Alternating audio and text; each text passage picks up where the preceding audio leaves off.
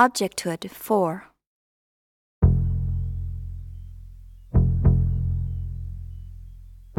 In his 1968 novel, Do Androids Dream of Electric Sheep? Philip K. Dick coined the term kipple to refer to a weird kind of garbage which builds up without any human intervention. In the novel, J.R. Isidore defines kipple as useless objects like junk mail or match folders after you use the last match, or gum wrappers of yesterday's homeopape. When nobody's around, kipple reproduces itself. For instance, if you go to bed leaving any kipple around your apartment, when you wake up the next morning, there's twice as much of it. It always gets more and more. No one can win against kipple. Since the 1980s, Japanese born New York based artist Yuji Agematsu has been meticulously collecting things he finds in his walks around the city junk, detritus, trash, kipple. Pieces of broken things, cigarette butts, chewing gum stuck to hydrants, paint scales, unidentified plastic scraps, and tons of unrecognizable bits of stuff silently scattered on the sidewalks of New York. The city is a machine that creates a new city, new buildings, new shit. And each day I walk around observing and collecting it, Agematsu says. He displays these objects inside cellophane wrappers from cigarette packs, carefully pinned to boards or simply photographed.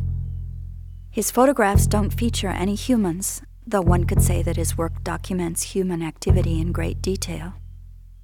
He even considers things like gum as human.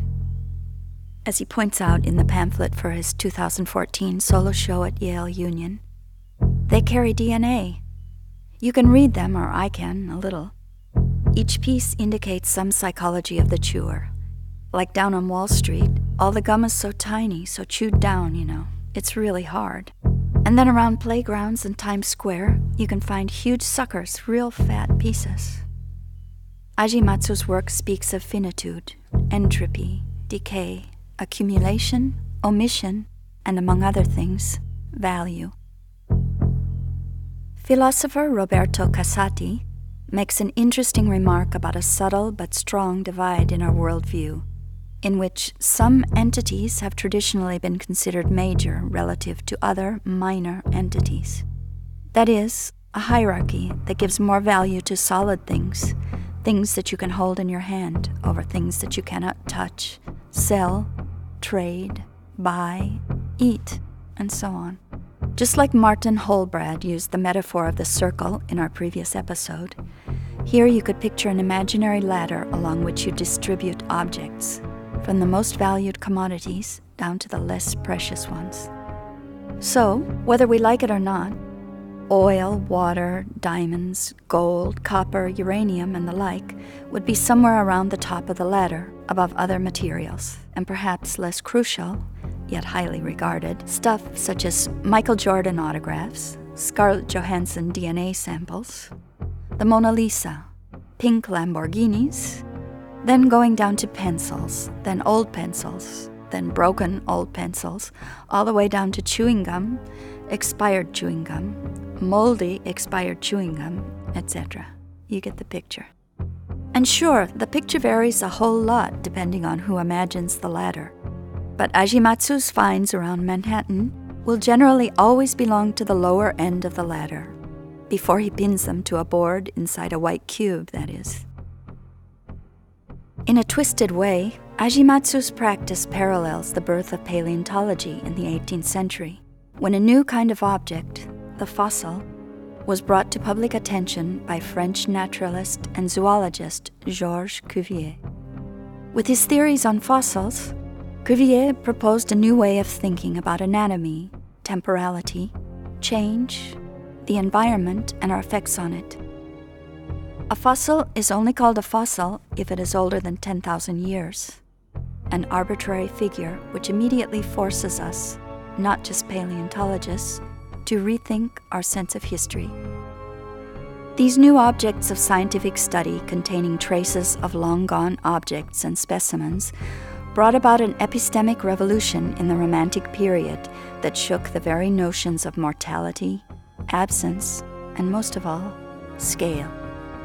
Physicist Lisa Randall explains the constant loss of information in our everyday experience with what she calls effective theory, which only asks about things you could hope to measure or see. If something is beyond the resolution of the scales at which you are working, you don't need its detailed structure. The paint on a wall or a clothesline viewed from far away are examples of things that seem to extend in fewer than three dimensions. We overlook the paint's depth and the clothesline's thickness. Indeed, we fail to see a lot of stuff around us because of this resolution bias. Because we feel comfortable in what Richard Dawkins calls the middle world, the narrow range of reality which we judge to be normal as opposed to the queerness of the very small, the very large, and the very fast. There are also things we fail to see because of the hierarchy bias suggested above by Casati. And lastly, we fail to see other kinds of objects because we effectively manage to hide them from view, like the Great Pacific Garbage Patch, a giant amalgamation of marine debris particles in the central North Pacific Ocean, a Katamari style cloud of neglect, which sadly could provide materials for thousands of Yuji Agematsu's solo shows. This fourth episode of Objecthood produced in collaboration with Dark Ecology and Sonic Acts, looks at untraceable objects as well as matters of scale and resolution. It focuses on objects we don't notice around us, even if they are unmistakably part of the world, and ideas about how our view of that world is deeply affected by our visual and conceptual scales and levels of resolution. Objecthood 4 features an interview with Nabil Ahmed, part of the forensic architecture group at Goldsmiths, who has been researching arsenic, one of the deadliest and more elusive earth poisons. His investigation aims to prove that in contemporary times, the entanglement of natural and political violence is so extreme that forensic investigations must look at complex and diffused structures of causality. It is in response to these entangled causalities, involving human and non human actors alike, that the legal forums of the future must emerge.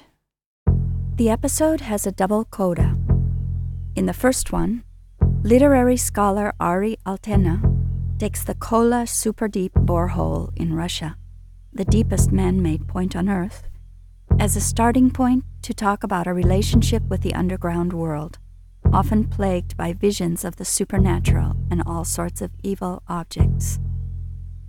The second coda is an excerpt of Vilém Flusser's Vampyroteuthis Infernalis, read by Antye Greie Ripatti. Flusser's work is a unique work of philosophical fiction, originally published in 1987, which uses the mythical figure of the so called vampire squid from hell to address the essence of life, molluscan perspective, deep sea art, and objects.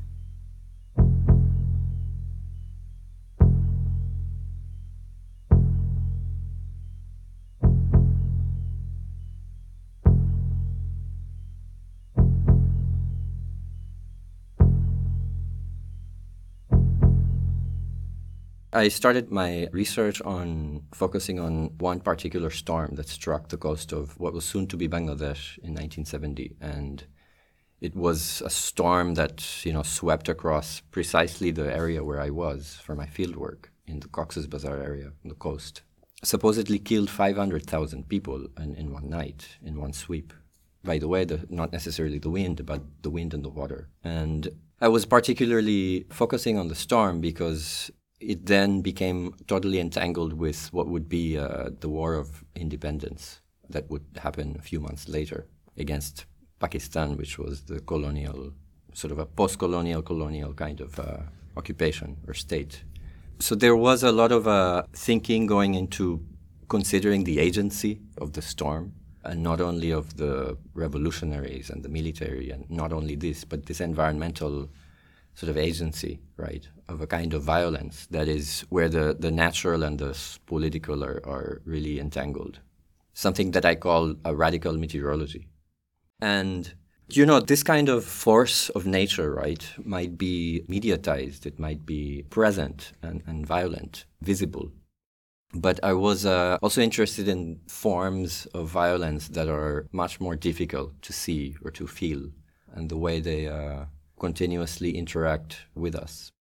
So the story sort of, you know, continued in Bangladesh post war, like many other countries going through this decolonization process, and importantly, a decolonization process that doesn't end with the colonial evacuation of the colonial powers.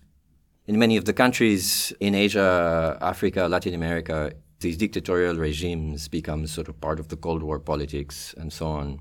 Forms of institutional or state violence sort of take up the, the same kind of mechanisms as their colonial past, precisely the things that they would try to go against. So, in the story of Bangladesh, this really became a story of development, which is this idea that people from outside, rather than colonial powers, organizations like the UN, the World Bank, might come and try to make life better for people in, in, in a country like Bangladesh, a new new country, which was at the time in 1972, you know, war torn, right? The infrastructure is destroyed. So there's a huge development project geared towards providing clean drinking water for people in the villages. Child mortality rates that were high because the sort of the surface water was polluted, and the solution was to dig deep. And in a sense, it's quite a fascinating sort of diagram to think of like a territory that's sort of not connected on the surface through its water connections. But in order to sort of address the, this lack of this planning, right, the focus goes underground. And instead of lateral connections, it's vertical digging. So if you take the territory and look on the underside, you, you start to see these, these lines going down across the land. And this was not a coincidence because it's the delta. Bengal Delta is the biggest delta on the planet. So, you know, for thousands of years, there's a, a constant sort of landscape morphology, right? Mountains shaping, rivers forming, land moving. And this came to be as a, as a big success for the development project, right? Because to dig for water through sort of pumps provided easy access to you know, all this water that was underground. But what nobody did was test the water for its quality. And uh, it was not until into the 90s, say after 20 years, that this was already going on, until it became sort of a normative process, right, where you know people are, are already used to doing this. That it came to light by the work of doctors and uh, scientists in, in neighboring West Bengal that there was poison in the water. Uh, there was arsenic in the water. So this is sort of like a territorial scale poisoning that sort of brings together the history of development, the action of the state, and lack of planning, and, and so on. But what was uh, really uh, fascinating is that uh, when I interviewed the, the doctor who first, you know, clinically was able to look for the clues for how people in West Bengal were being poisoned, he remembered that the, the sign of the poisoning on the, on the victims' bodies, before he knew what it was, looked very much like the, the things that he saw in the toxicology books he had to study while being training for a doctor.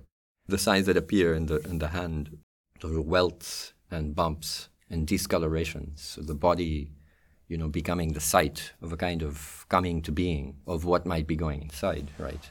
And he was totally curious to see that how can this be? I read about this in toxicology books, you know, criminal poisonings of people by arsenic. And how could it be that the same things, same signs are appearing on the bodies of, you know, villagers in West Bengal? Of course, this is being pumped out from like a geological timescale, which is also a really crucial point, is that something that began to form during the formation of the delta, you know, millennia ago, could all of a sudden, through this act of development, begin to mineralize the body of a population at various scales. Of course, this is true perhaps for you know all of us. You know, like we don't notice, but mineral water. I mean, the word mineral is often kind of you know said in, in passing, right? But it has all these chemicals, no? So we're constantly, I suppose, mineralizing our body somehow, getting rid of things, but also taking things in. That might seem very obvious, but in this context, all of a sudden it takes on a lethal proportion, you know what really fascinated me at the same time was actually the, the materiality of the poison. The fact that arsenic was tasteless, odorless, and invisible that made it so uh, deadly. And this fascinated me to no end because as a researcher and an artist, you know, we often are interested in aesthetics of, of registering things, right? But it was precisely that it was not seen and not heard and not smelled, deceptive to all the senses, that made it such a powerful thing. And that's very thingness was its sort of absence in these registers. I've been part of a group called Forensic Architecture at Goldsmiths with Eyal Weizman and, uh, and a number of other uh, friends and, and colleagues and, and great people, activists, NGOs that were involved. We've been working on providing spatial analysis to human rights violations, international humanitarian law cases, and increasingly environmental violence. Uh, so it is in this frame that the arsenic sort of collided with my research. And that sort of led me to, to look at the history of the poison. What I was really interested in and how, how in, let's say, two ways that the history of arsenic could somehow inform us to our present sort of project. So the first thing there was the arsenic sort of relationship to aesthetics, because it became a very important actor in the rise of forensic toxicology The forensic science had to come up with methods to prove in the courtroom that there was arsenic in the body of a victim. And uh, in that very process of science acting in service of law, this poison sort of enters the courtroom, and the poison has to be brought from what we've called the threshold of detectability, right? So the very act of using chemistry to show that in the in the gut of a person there was arsenic was to s- literally show that there is something there through a color, for instance. There was a, very much an aesthetic practice involved in the courtroom and this merger of the courtroom and the laboratory. So, as I sort of started to look at how arsenic became such an important actor in the formation of toxicology, I looked at as an area where this happened on, on uh, again at a scale that's comparable to what happened in Bangladesh in Victoria Victorian England, in the courtrooms of Victoria Victorian England. And in the cases where it was often passion crimes, again, you know, you want to, you know, run away with this good-looking young guy and, and get the money from your husband, take care of him by, you know, a bit of poison, you know. And as these cases were sort of proliferating in Victorian England, law had to sort of respond. And it was really the, the dosage that becomes really an important feature, right? If you give a poison in enough amounts at once, it might kill you straight away. But if you give it to them in really small amounts, it may kill them over a long time. And very interestingly, there could be two kinds of levels of responsibility there, right? In the case of a big amount of poison, immediately, you know, they might say that, well, you are just the worst person. You know, you get 10 years in prison for, for killing off your, your husband, right? But you could even end up having a worse situation if it's found out that you poisoned your husband over six months, very, very slowly. As in, there's even more of a planning involved. So it's really interesting to see, well, while the amount of poison might go up, the responsibility might actually, you know, not necessarily also go up, right?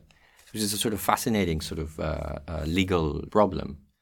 There was not a coincidence that in Victorian England there was so much of this stuff going around.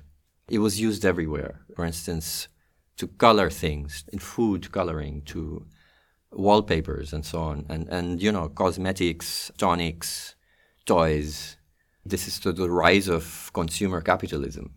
Capitalism must be colored. I cannot remember the exact quote, but uh, if you read the book from Michael Taussig, The color of the sacred. You know, he's sort of saying that the coloring, right, is, is becomes very much part of a way of producing multiples. Do I choose the red wooden horse, or the blue one, or the yellow one, or the pink one?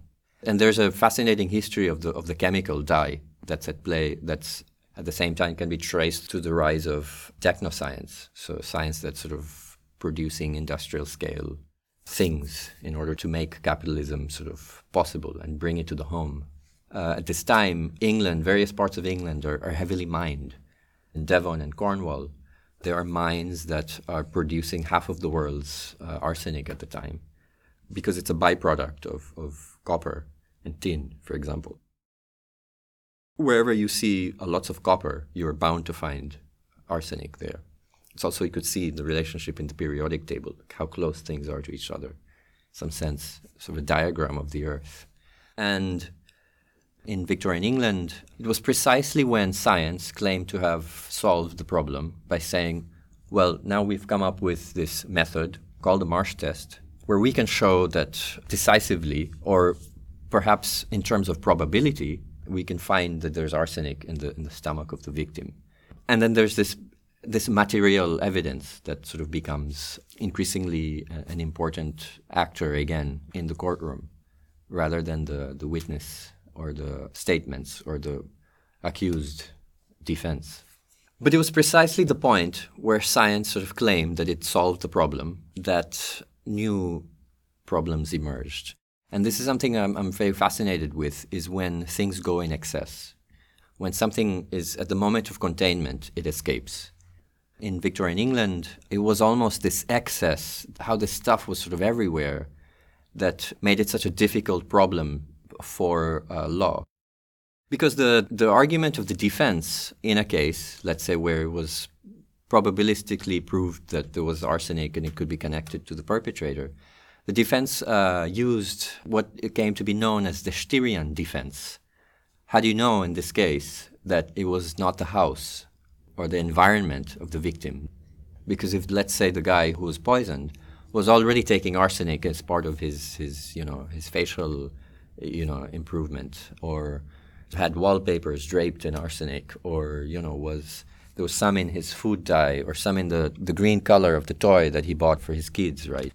So if he was sort of saturated in an environment of arsenic, well, how do you know that, that it was my client who, okay, we know that maybe not such a good guy, but so this sort of produced, uh, brought the environment somehow cultured, right? A cultured nature into the equation or into the problem. This is not to say that this argument sort of always stuck, but nevertheless, it is sort of bringing the environment back so we, we do our best to sort of move to the idea that arsenic was this earthly thing, but then as soon as it sort of enters in my hand, it is a cultural thing. So somehow this the, the earth or the the excessive forces of the earth comes back, right? And in the case of arsenic poisoning in Bangladesh, who do you go after where people are nevertheless being poisoned? Do you leave it to say, well, sorry, or this is just something that happened it was an accident, unintended consequence of development. But we cannot leave it at this. This might sound like it's a collateral. It is this very sort of amorphous nature of this poisoning that, that also sort of fascinated me because it's almost impossible to sort of, you know, hug it or to shape it or to see it and so on. Much like horror, like a Lovecraftian horror of, of, of not having a, a, a monster in your face, right? you know, this thing that is like a jelly, you know, that sort of, you cannot sort of grasp its, its totality, right, in some sense. A poison that is the earth, right, in some sense. And this earth has this sort of, you know, this horror. The people in the Delta, when they first uh, saw water being pumped out to uh, flood their land, were scared of it. They called it the devil's water because of something coming out of the earth. In many cosmologies, no, like that the underground is is evil. But then when they see start to see the the you could see the harvest, all of a sudden there's more and more rice. To sort of start to see that to, to begin to make a peace with the devil, no? To say that it's actually fine to do agriculture with this water, but then it's also fine to drink it, right? And there's also the shift to sort of think that it's not only oil that is the resource, producing, you know, like the geopolitics of the 20th century, but it is water that sort of is involved in the geopolitics of the 21st century, right? It is not only, you know, a common, but becomes a resource that is going to be fought over and that, that sort of produces conflicts around the planet. And I would like to claim that this, the question of the water poisoning in Bangladesh is part of this uh, resource conflict that does not take in the shape of guns and bombs, but rather through reports and and funding and, and through institutions and, and and sort of political sort of chess games. So there's a lot of speculation around uh, how arsenic got to be in the water. One hypothesis is that during the, the formation of the Himalayas, very tiny bits of rock are being sort of crushed against each other. I mean, we think about the Earth as, as let's say, a static thing, but it's not. It's a dynamic force field, constantly moving and shaping and, and shifting. So the grinding of the rocks is constantly carrying sedimentation. Manuel de Landa has this beautiful sort of phrase where he's sort of calling the the river as a hydraulic computer, where it's just sort of constant movement of different size of rocks uh, flowing through and so on. And so, but of course, these processes are not only on the surface of the river, i.e., what we can see, but also underground. So there's constant movement of water coursing through the planet that is very much really connected to its sort of its geological formations. And it is precisely through these movement that in some of the soil, in the rocks, there's oxidation taking place. According to this hypothesis, there's these microbes deep in the soil which want oxygen just as much as we do. And as they sort of take the oxygen, it leaves arsenic as a remainder but in so small amounts that wouldn't really be uh, of much harm. In fact, arsenic is in the atmosphere and in the soil, right? But but there's a much more of a concentration because of there's so much sort of movement in the Bengal Delta. There's a certain kind of uh, microbes in a lake in, in California who actually they feed off of the arsenic. It is what gives them life, which I think it speaks to a kind of perspectivism, no? that that we are you know oxygen right is sort of the the norm like capitalism again that you know uh, like is the only way to live. But in fact it may not be. It's not the fact of in the relationship of scale that these microbes are not you know like as big as us but on another level there might be way more than uh, of these microbes than us. We always have to sort of push these these limits right? And to sort of be very radical with this perspectivism. And I mean, arsenic is only one thing. There's also uh, other nasty, lethal things that are that are constantly poisoning us, right? And the question is that is it the earth that's poisoning us, or are we poisoning the earth, or both?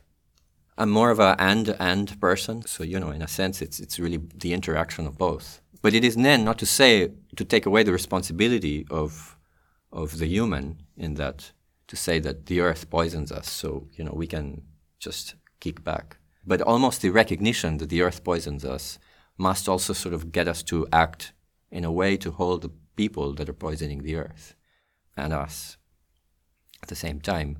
And this, you know, again, this entanglement, you could say, between responsibility and, and causality, right? It is only a qualitative difference, you could say, between arsenic and, let's say, polonium uh, or lead or uh, other kind of poisons. For instance, polonium has been the poison that has been used to have two very high-profile uh, political assassinations. The Russian dissident who was killed while in a sushi bar by polonium. Uh, again, the shift from the 19th century sort of arsenic and its kind of chemical makeup and its response in the courtroom through a certain kind of, you know, chemistry of the time is somehow, you could say, updated, right? through polonium and its sort of molecular, sort of atomic kind of uh, uh, relationality and, and the machines and the the technicity that, you know, that is involved in its detection and its and its capture and its presentation. So you know polonium, which is again attributed to the assassination of Arafat, the controversy there is is another story. But we could say that you know polonium is is perhaps the arsenic of the 21st century. But having said that, it is not to sort of relegate arsenic to you know the history books. It is ever present. In the case of the the uh, water poisoning in Bangladesh, it's sort of an ongoing disaster that's very slow and that is not uh, registered so easily, whether by media or, or, or by kind of a politician's time scale, right? It moves rather at a geological time scale or something, you know, analogous to this, something that's slow and something that's, you know, not so easily easy easy to be seen. There's something about this relationship between the noumenal and the phenomenal, right? You know, how can we speak about something that, that is beyond perception totally? What allows us to do this?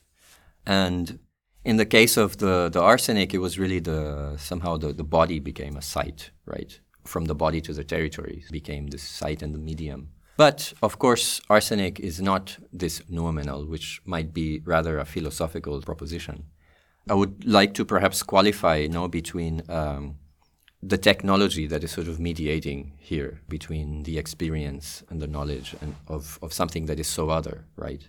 Because again, I know very little about something like dark matter, but could we say that the fact that it is possible to uh, detect dark matter through you know the most bombastic kind of uh, instruments means that it's still you know at the very very limit of the threshold of detectability. But nevertheless it is at that limit right? You know compared to dark matter arsenic is you know it's just uh, put a little bit of solution of something here drop it there it appears you know uh, easy. But it is really that limit condition no? It's like what kind of political and aesthetic operations are necessary for that condition to shift, for that detectability to happen, right? In that very process, what is it being mobilized, right? How, how is politics mobilized in that moment, right?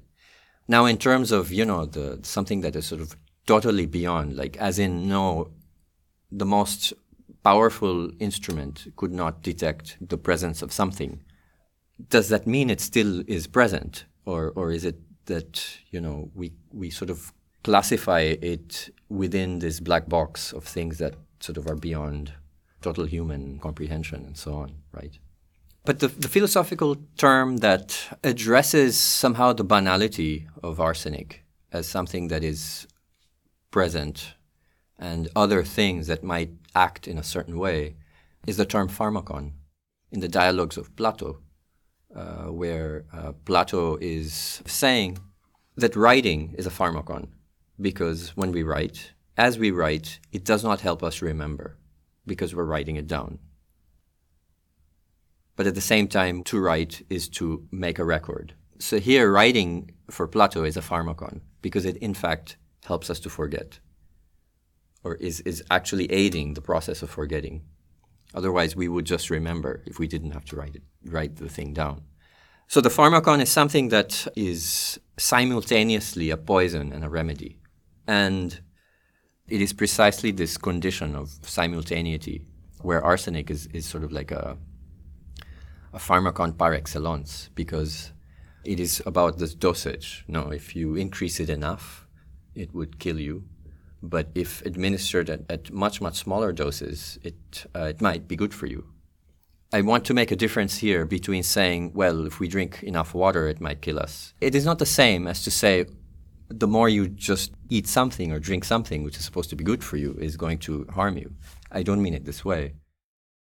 Rather, it's dosage, right? Rather, it's sort of in the way it interacts at more of a chemical level with, with the body, is the, the pharmakon in action, the pharmacology of substances. We could see this particularly in action in, in the drug for curing syphilis, or in the case of uh, triage, which is a term that the French military developed to say um, you can only save 10 people and there's 25 people. Which 10 do you save? Let's say after a war, there are uh, soldiers that are come to the military hospital. And so half of the soldiers are, you know, missing limbs and, and uh, uh, are bloody from battle. But there are some other soldiers that have walked in to the, to the hospital after they've just been on leave. They had a week off when they went into town and visited many brothels and had a great time. And they contracted syphilis. So the question of triage is that in that case, who do you save? Do you save the, the soldiers who just came back bloody from the battlefield giving their arms and limbs for the for the country, or do you save the soldiers who just had a great time uh, the last week, but they're physically they're pretty well off? The answer is quite easy. You you save the the, the soldiers with syphilis, uh, who had a great time. So um, it's it's Paul Ehrlich who cured syphilis by coming up with what he called uh, uh, salvarsan, the bullet that would kill the poison, right? And its main active ingredient was arsenic. And this is where sort of pharmakon comes into action. Too much of it would then again kill the, the person that it was being administered to. But just that right calibration, right, would be enough so that it would neutralize the syphilis. And it was somehow this poisoning of the poison that was really, you know, fascinating to me.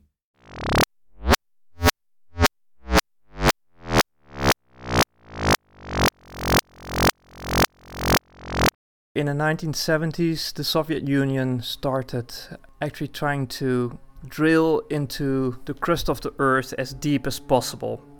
And uh, the record at the time was held by the Americans. It was about nine kilometers deep, and I think it was called Bertha Rogers. And the Soviets um, wanted to beat that. So they, they started at the Kola Peninsula this project of uh, trying to drill as deep as possible. The idea of the Soviets was to set up a whole network of super deep boreholes to sense what was going on in the earth, uh, to kind of be able to predict earthquakes as well. The network was called Globus, and um, the idea is to have uh, super deep boreholes in uh, Kazakhstan, in Komi, on Kamchatka, in the Dnieper Don area, uh, well, etc. So, as far as I know, not much came of it. Uh, the Kola Super Deep uh, is 12 kilometers deep. I think the next one was only 5 kilometers deep, and the others either never started or were about 3 kilometers deep. The Kola Super Deep is special in the sense that it's a 12 kilometer deep borehole which was drilled primarily for geological research. I mean, okay, it was also drilled to get the record from the Americans of being able to say, we have the deepest borehole. Soviet engineering is way better than American engineering. And yes, probably because it is geology, there is always the issue of finding oil, finding gas, finding minerals, or at least obtaining more knowledge about how to look for those precious minerals. What is a bit tragic, I find, of the whole Kola Super Deep borehole is that all of the science that was done hardly reached the West at all. For instance, they found stones that resembled moonstones at uh, three kilometers deep. They found water much, much deeper than they expected. And one of the most important things is that it turned out to be way hotter the deeper they went than they were expecting. Like they were expecting uh, temperatures of, I think, 100 Celsius at like 11, 12 kilometers deep, and it was 180 degrees Celsius. That's also where, at the end of the 80s, the problems began with a couple of accidents. So they reached 12 kilometers fairly easy, but then they couldn't get much further than that. That also sort of was already the beginning of the end of the Kola Super Deep. It was abandoned in uh, at the end of the 90s after of course after the collapse of the Soviet Union and it was really abandoned so they really left it basically. Justin Bennett, who visited uh, the spot um, a couple of months ago, said it, uh, it still it is as if they have just left. I mean, you can see the the chairs and the and the tables still there, and the books lying there, and, and the the borehole itself. You can find it, but there's a, of course, a big um, metal thing on top of there. I became interested in it in 2012 when we with Sonic Acts uh, visited the area for the first time.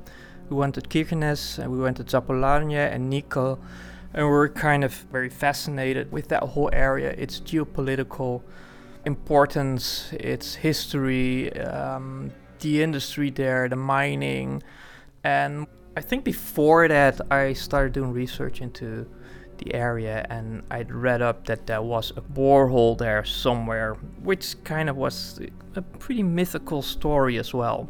We tried to find it uh, by car, but it was in uh, it was very bad weather that day as well, and we actually thought that we came quite close to the spot, but in retrospect we weren't on the right road. That's what I found out much later. In 2013, we went back uh, to the area. Again, we didn't visit the Kola Superdeep, but we did visit uh, Yuri Smirnov, who was a geophysicist who worked a long time at the Kola Superdeep. He invited us to his uh, little apartment, his, his flat in Zapoljarny. Old Soviet flat, of course. Pretty small. Of course, with uh, a picture of uh, Father Stalin in uh, amongst the books on the cupboard. And he also has a large painting above his couch of the Kola Superdeep. And he was really smiling about that one because it shows you the Kola Superdeep and then the 12, well, a picture of the 12 kilometer deep borehole. And then at the lower end of the borehole, a picture of the devil, you know, this red devil with the, well, the horns and everything. So just um, your normal devil if people now know the Kola Superdeep, it's not for the geologic science, it's not for the kind of scientific findings. It is because of a hoax, the well to hell. And every article on the Kola Superdeep refers to it. If it's not the reason to actually write the article. So the well to hell hoax is of course, obviously about the idea that uh, they were drilling and then everything broke down. Then they lowered a microphone in the borehole and they were hearing like the sounds from hell. Because traditionally that's where we have thought hell to be. I mean, Dante's hell is in the inner earth, it's not somewhere out there we know not a lot about the inner earth. I mean, we now have put up quite a number of hypotheses on uh, what the inner earth looks like based on seismological soundings and partly on, on geologic uh, findings. But obviously, we've never been there. There is a paper published, one of the last papers published uh, about the research at the Kola Superdeep which is about lowering a microphone into the borehole. This was at a later stage when the 12 kilometer deep borehole wasn't reachable anymore, so they lowered the microphone up to 3 kilometer deep. And they were hearing strange things. They heard kind of rhythmic sounds, I think, and it took them quite a while to figure out what the readings were that they were getting until they realized what they were hearing was all of the activity in the nearby mines. Their readings like exactly coincided with the shifts in the nearby mines. The whole well to hell hoax came into existence in 1989 and well, one of the causes was a Norwegian man who wanted to test the gullibility of his uh, fundamental Christian friends in, I think, Canada and America. And so he put a practical joke on them. And to his own surprise, the practical joke was picked up first by the local press and then by national fundamentalist Christian press in the United States. And from there, it then traveled to the tabloids. And another thing is, is that the scientists at the Kola Superdeep were having fun with the story or with the idea that they were drilling to uh, drilling to hell, and I'm not completely sure anymore if it's how true it is. But the scientists themselves made a tape recording where they were imagining the sounds of hell and saying like this is the devil speaking and then changed the speed a bit manipulated those sounds and um, i mean the well to hell hoax is pretty easy to spot as a hoax it's a story of something that comes out of the earth as well that sticks in people's minds. Here the story is the well to hell hoax. I think that Yuri Smirnov, as a staunch rationalist scientist, who is also a poet, he read his poetry to us, and well, I don't know Russian, so I don't know exactly what he was uh, saying, but I think that as a poet, he also understood the power of a sticky story I think he's probably also happy to see that the story of the of Super Deep was able to stick in some people's minds thanks to this well to hell story. The thing that comes out of Earth here is, of course, not the devil as such. Uh, it's rather a story, a sticky story that comes out of the Earth. And I don't know what it says about people that this is what we're bound to remember of of a place like the Kola Super Deep. A story about drilling to hell, because that's how it connects to kind of an age old tradition of imagining where hell is.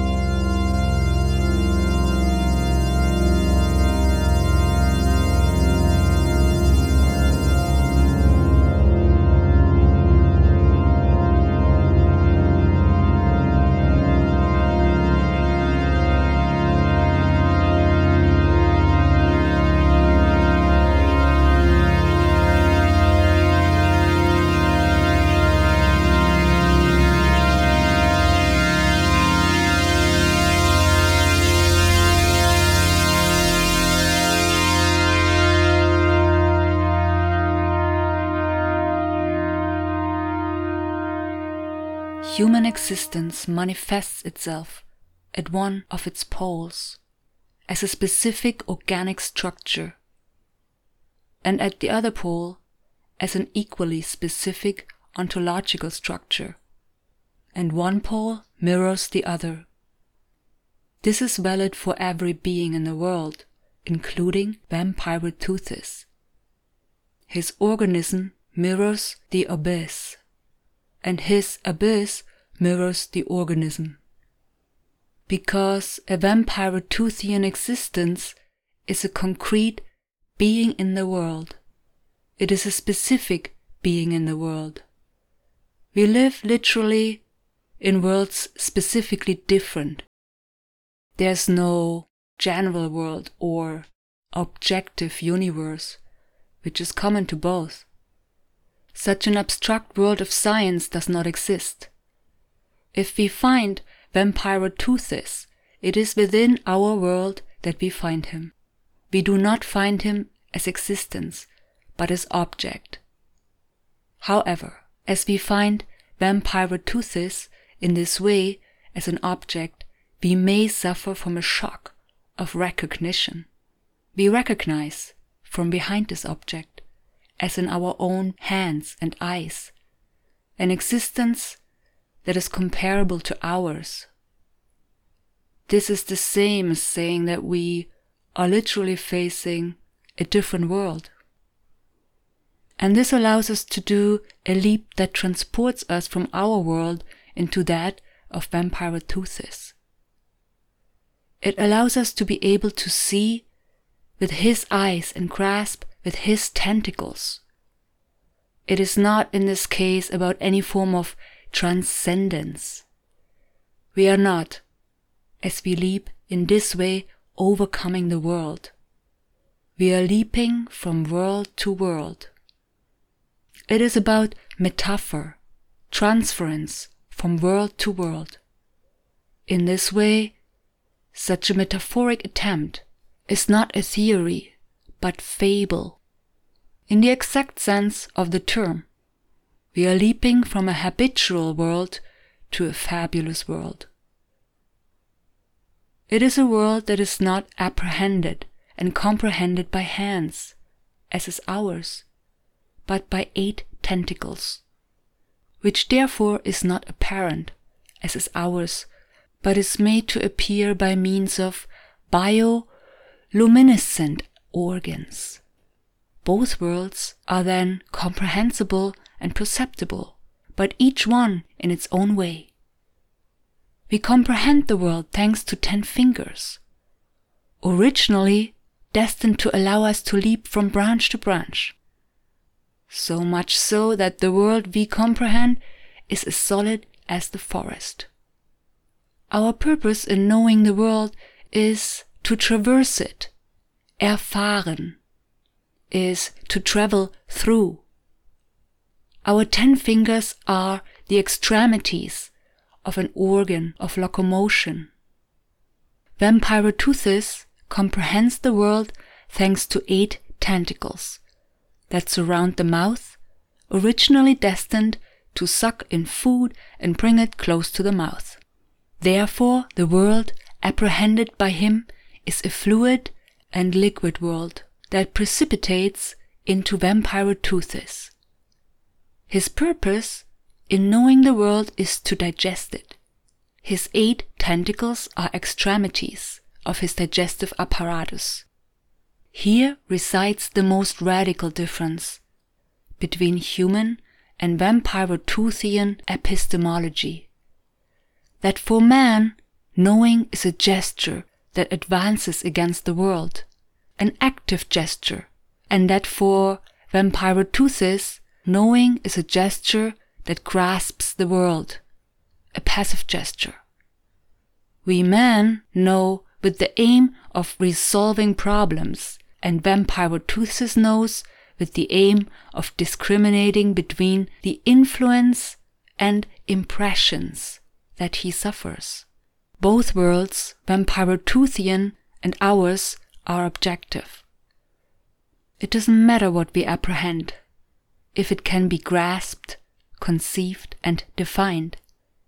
It is an object, and everything that can be established by this grasping of outlines is ipso facto modifiable. Both man and Vampyroteuthis is apt to modify the world. We by manipulation, and he by tentaculation. If we define culture as the deliberate modification of the world by a subject, then culture is inherent in the human as well as the Vampyroteuthian program. However, there are two different concepts of culture. For man, the world to be modified consists of problems that bar the way, and culture is the removal of problems to clear path. Culture, in this sense, is an emancipatory enterprise and is therefore a project against objects. For vampire Vampyroteuthis, the world to be modified consists of impressions that precipitate towards him, and culture is the incorporation of impressions to digest them. Culture, in this sense, is an integrating enterprise and is an injection of objects. Culture, in the human sense, is a removal of nature, and culture, in the Vampyroteuthian sense, is a critique of nature. Our world appears. That is, it seems to emit light rays. In reality, however, such light rays are emitted by the sun and only reflected by objects. Appearances deceive. Man must go beyond appearances if they want to see the true light that appearances hide. Aletheia. The world of Vampyroteuthis is a dark night, and Vampyroteuthis emits light rays in order to make objects appear. Phenomena appearances are produced by Vampyroteuthian from the dark night. They are produced according to his intention, according to the intensity, the coloration, and the direction of the light rays emitted by him. His bioluminescent organs are his categories of perception.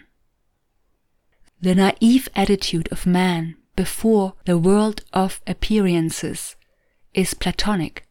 The naive attitude of Vampyroteuthis is Kantian.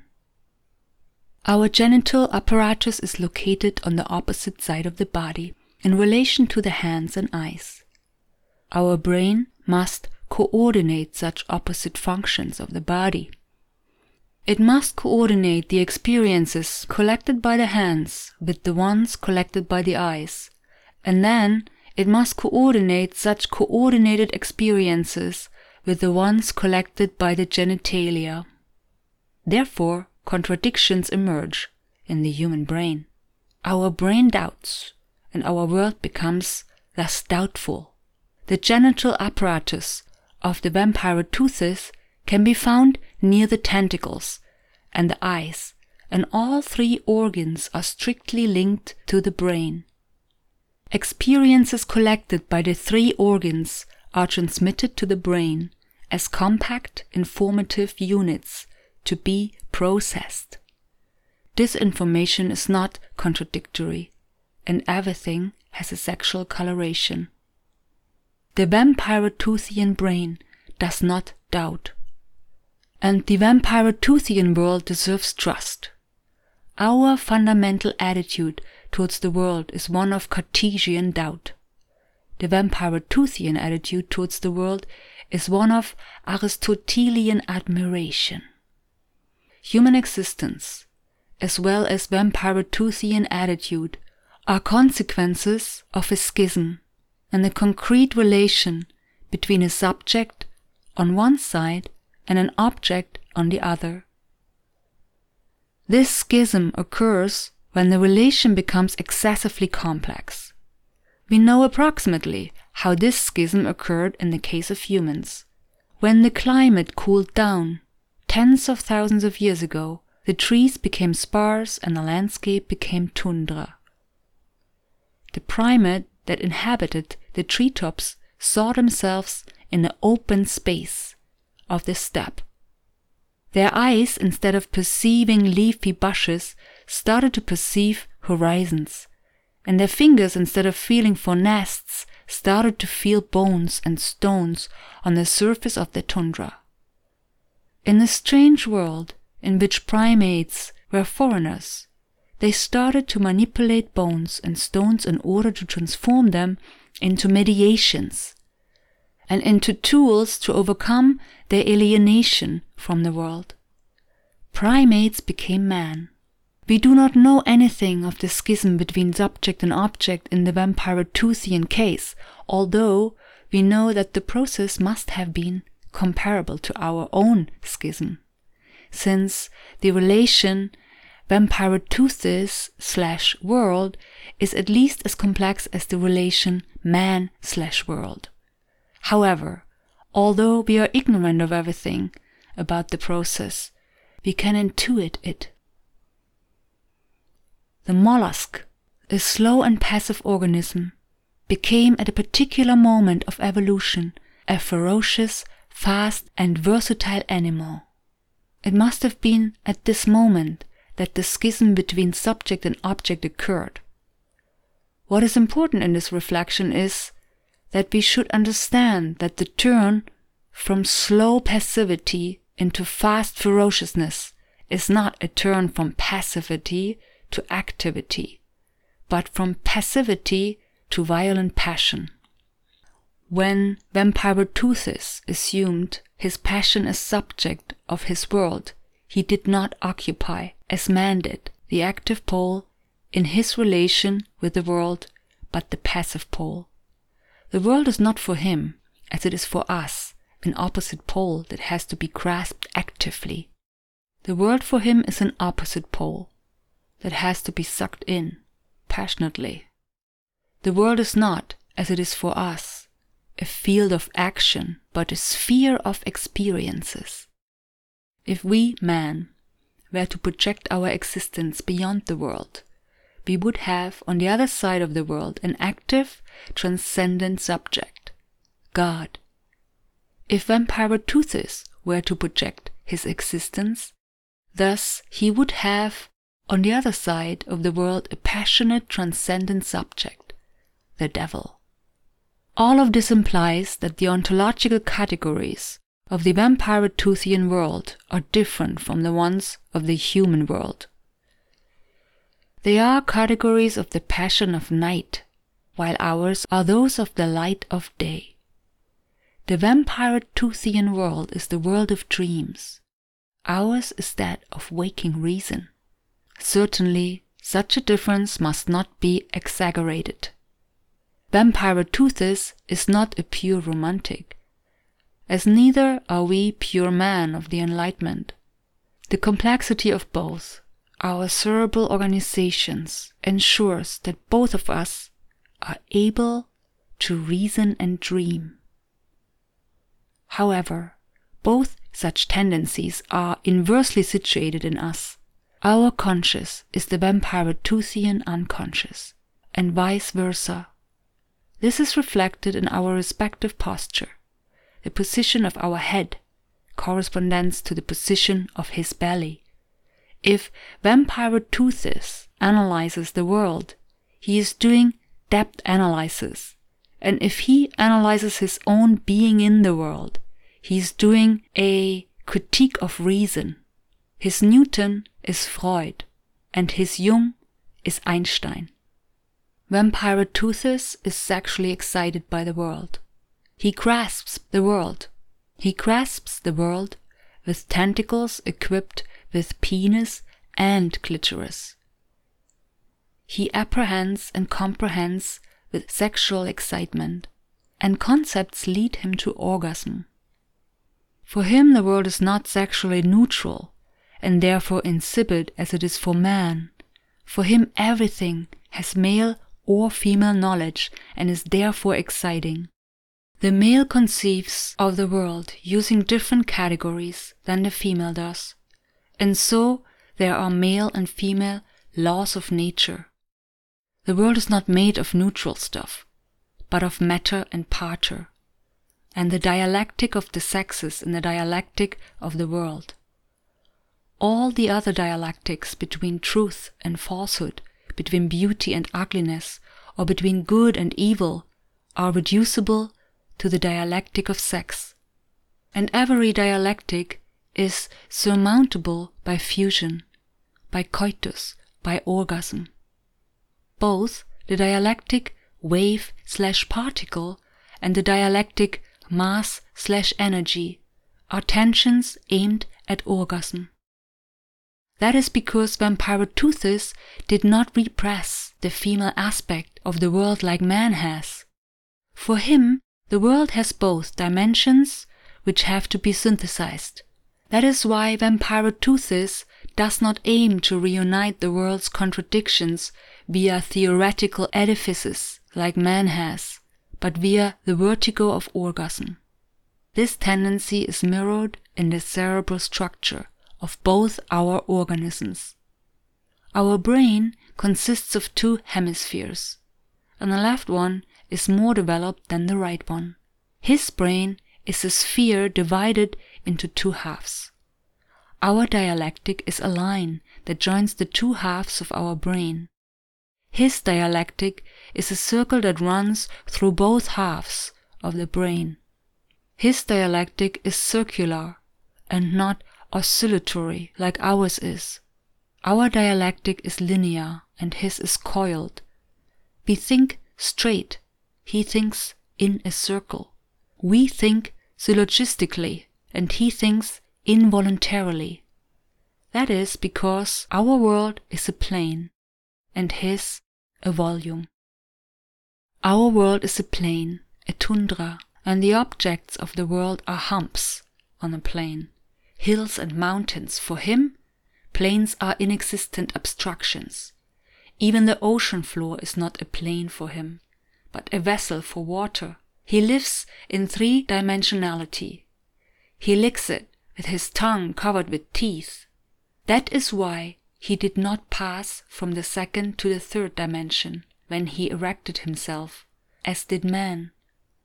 But as he erected himself, he twisted the third dimension into a spiral in order to penetrate a kind of fourth dimension, the coil. When he moves, he does not advance as we do, along the second dimension towards the third, but he projects within the third dimension towards a fourth. His posture does not deny the second dimension, as ours does, but perforates the third dimension just like a screw. We negate the world perpendicularly, and he spirally. Our dialectics are different from each other. His existence is twisted, as is the snail's, but contrary to the snail, it is a twisting aimed at opening himself to the world. This lends a particular structure to his space. For man, space is an inert extension, sustained by an internal Cartesian skeleton. For him, space is a twisted tension, sustained by an external spiral shell. For us, the shortest distance between the two points is a straight line. For him, the shortest distance is a coil, which makes the two points coincide when retracted. His geometry is dynamic. There cannot be for him an immutable form. He is not Platonic. He is orgasmic. He does not do philosophical contemplation, but philosophical vertigo and its posture. Both man and Vampyroteuthis exist, objectively speaking, on planet Earth. But it would be a mistake to think that we exist on the same Earth. We exist on an Earth that is inhabitable surface. He exists on an earth that is a habitable whole. Nevertheless, we can meet. At such an encounter, the two earths should coincide with the one another and produce a new earth.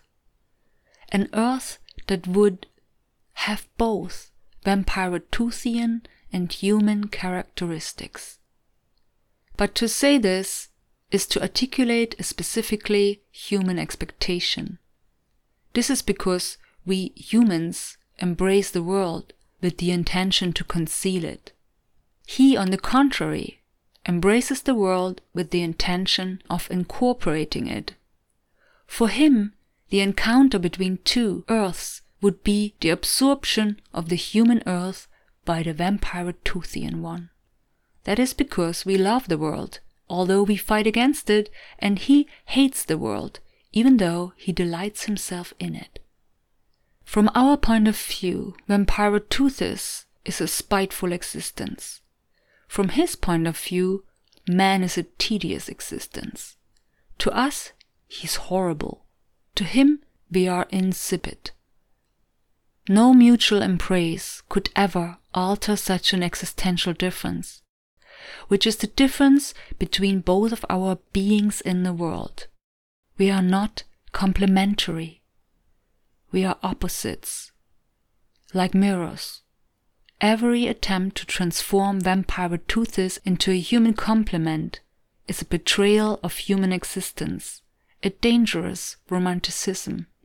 It is pointless to try to minimize this. Vampire Vampyroteuthis is our hell. How can you go? How can you go? How can you go? How can you go? How can you go? How can you go? How can you go? How low can you go?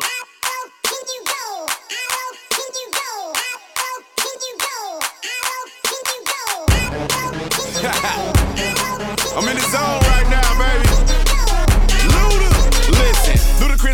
mix, finna go low. Hold up, let me get my camera. I wanna see Arizona, Indiana, Minnesota, and the women in Louisiana. DC, VA, Motor City to the Lou, what it do? Finna blow like Waco. Shot Town going way low, both Cacalaca's Alabama to the MIA, yo. New York, California, Philly, and they really put it on you when I'm down in Texas. Album numero siete. Get ready for the battle of the sexes. I'm restless, try to tell them that I'm hotter than a burn in the third degree. Green. Then I try to tell them ain't nobody in the world as hot as me. Me, if you're really going low, you gotta go hard report